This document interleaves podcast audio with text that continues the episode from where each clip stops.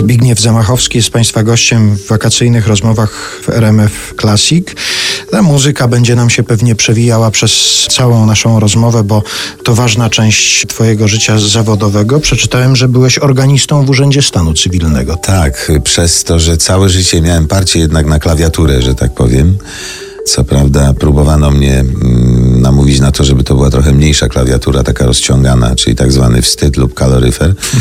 Muzycy wiedzą o czym mówię, czyli o akordeonie, ale nie dałem się i jednak y, pianino, fortepian to była moja idea fix taka. Kiedy otwarto w moim rodzinnym miasteczku w Brzezinach szkołę muzyczną, zdałem do tej szkoły i tam się, że tak powiem, kształciłem. Okazało się, że pan organista, który grał na ślubach w Urzędzie Stanu Cywilnego, poszedł na emeryturę, a nas grających tam w tym moim małym miasteczku nie było zbyt wielu, którzy odróżniali klawisz biały od czarnego, no to mnie poproszono o usługi i w ten sposób dwa i pół roku rzeczywiście na organach w Urzędzie Stanu Cywilnego obrzeniłem swoich różnych znajomych, nauczycieli, rodziny.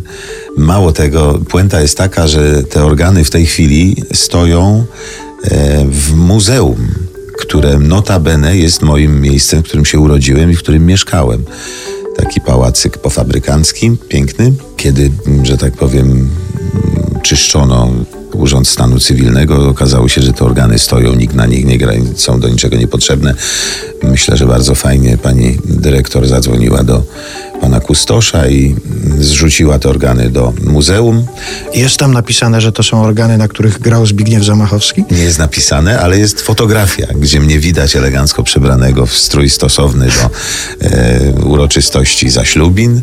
Mało tego, one grają ciągle, więc jak tam jestem, a jestem dosyć często, więc od czasu do czasu otwieram te organy i tam sobie coś próbuję na grać. To bardzo miła przygoda była. Ale pierwsze skojarzenie, jakie w takiej sytuacji się nasuwa, to, że Mendelssohna grałeś przy takich okazjach. A coś jeszcze? Coś swojego nawet, jakieś swoje kompozycje tam przemyciłeś w czasie tych uroczystości? Czy repertuar był ściśle ustalony i nie wolno było wychodzić poza ten repertuar? Słuchaj, tak naprawdę to ja grałem wyłącznie swoje improwizacje, poza Mendelssohnem, który był obowiązkowy na dzień dobry.